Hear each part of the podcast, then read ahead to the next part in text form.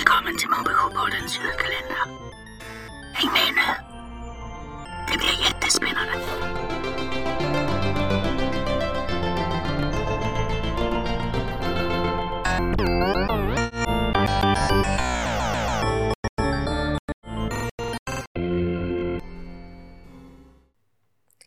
Femtonde december på morgonen den tredje advent och den femtonde dagen vaknar alla på Vidagatan och i kvarteren runt omkring av ljudet från sirener.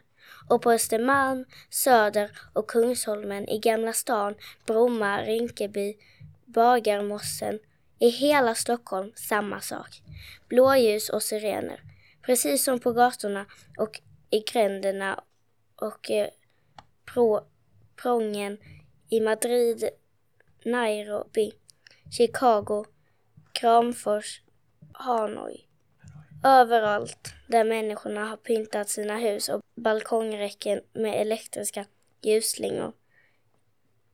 I, tapp, I tappert försök att hålla mörkret borta, eller i länder där mörkret är mildare, för att ljus hör, för att ljus hör, hör julen till.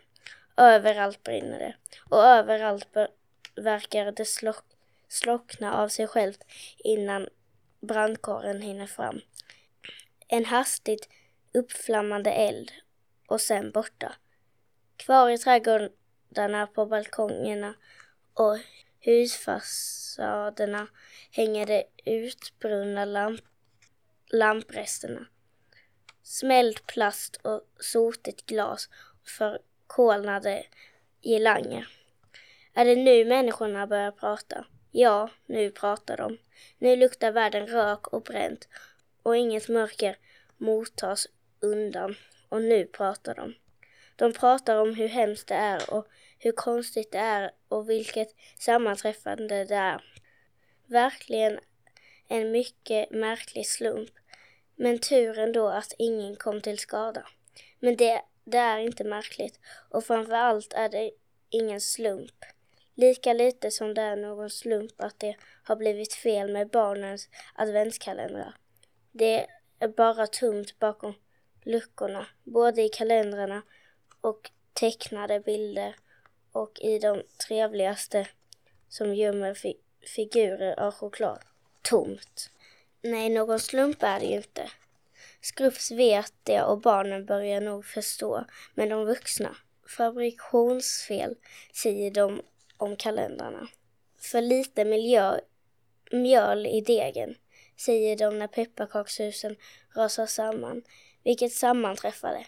Vilken, vilken märklig slump. De vuxna är som hamstrarna. Anar inte att det finns något bortom buren. Nej, tänker Skrufs. Det är barnen man sätter sitt, ihop, hop, sätter sitt hopp till. Som den där Tilda som sitter lugnt i köket och ritar. Just nu misstänker hon kanske inte att hon är iakttagen. Men ibland när, när det nästan verkat så. Där ritar hon ett hus, minsann, ser Skrufs. Ett väldigt, ett vanligt hus för människor. Med dörr och fönster och ett träd med äpplen i. Och en illröd katt. En grön himmel. Grön. Grön. Barns himlar kan ha alla färger, tänker Skrufs nöjt och bestämmer sig för att låta henne få fortsätta i fred och istället göra JT sällskap vid teet. Kris och krig hojtar JT och höjer sin tekopp mot, mot honom till en skål. Och Skrufs bryr sig inte om att försöka, försöka få honom att dämpa sig. Inte nu. Kris och krig, eld och rök. Nu visar jag dem allt. Nu visar jag dem allt. Skruff sätter sig tungt på sin lilla pall vid bordet. Vad är det du visar dem, JT? säger han tyst. Att det inte blir någon jul, svarar JT, JT triumferande. Och för första gången går det upp för Skrufs hur förfärligt illa det här kan sluta. Hej, jag heter Vera och går i 3B.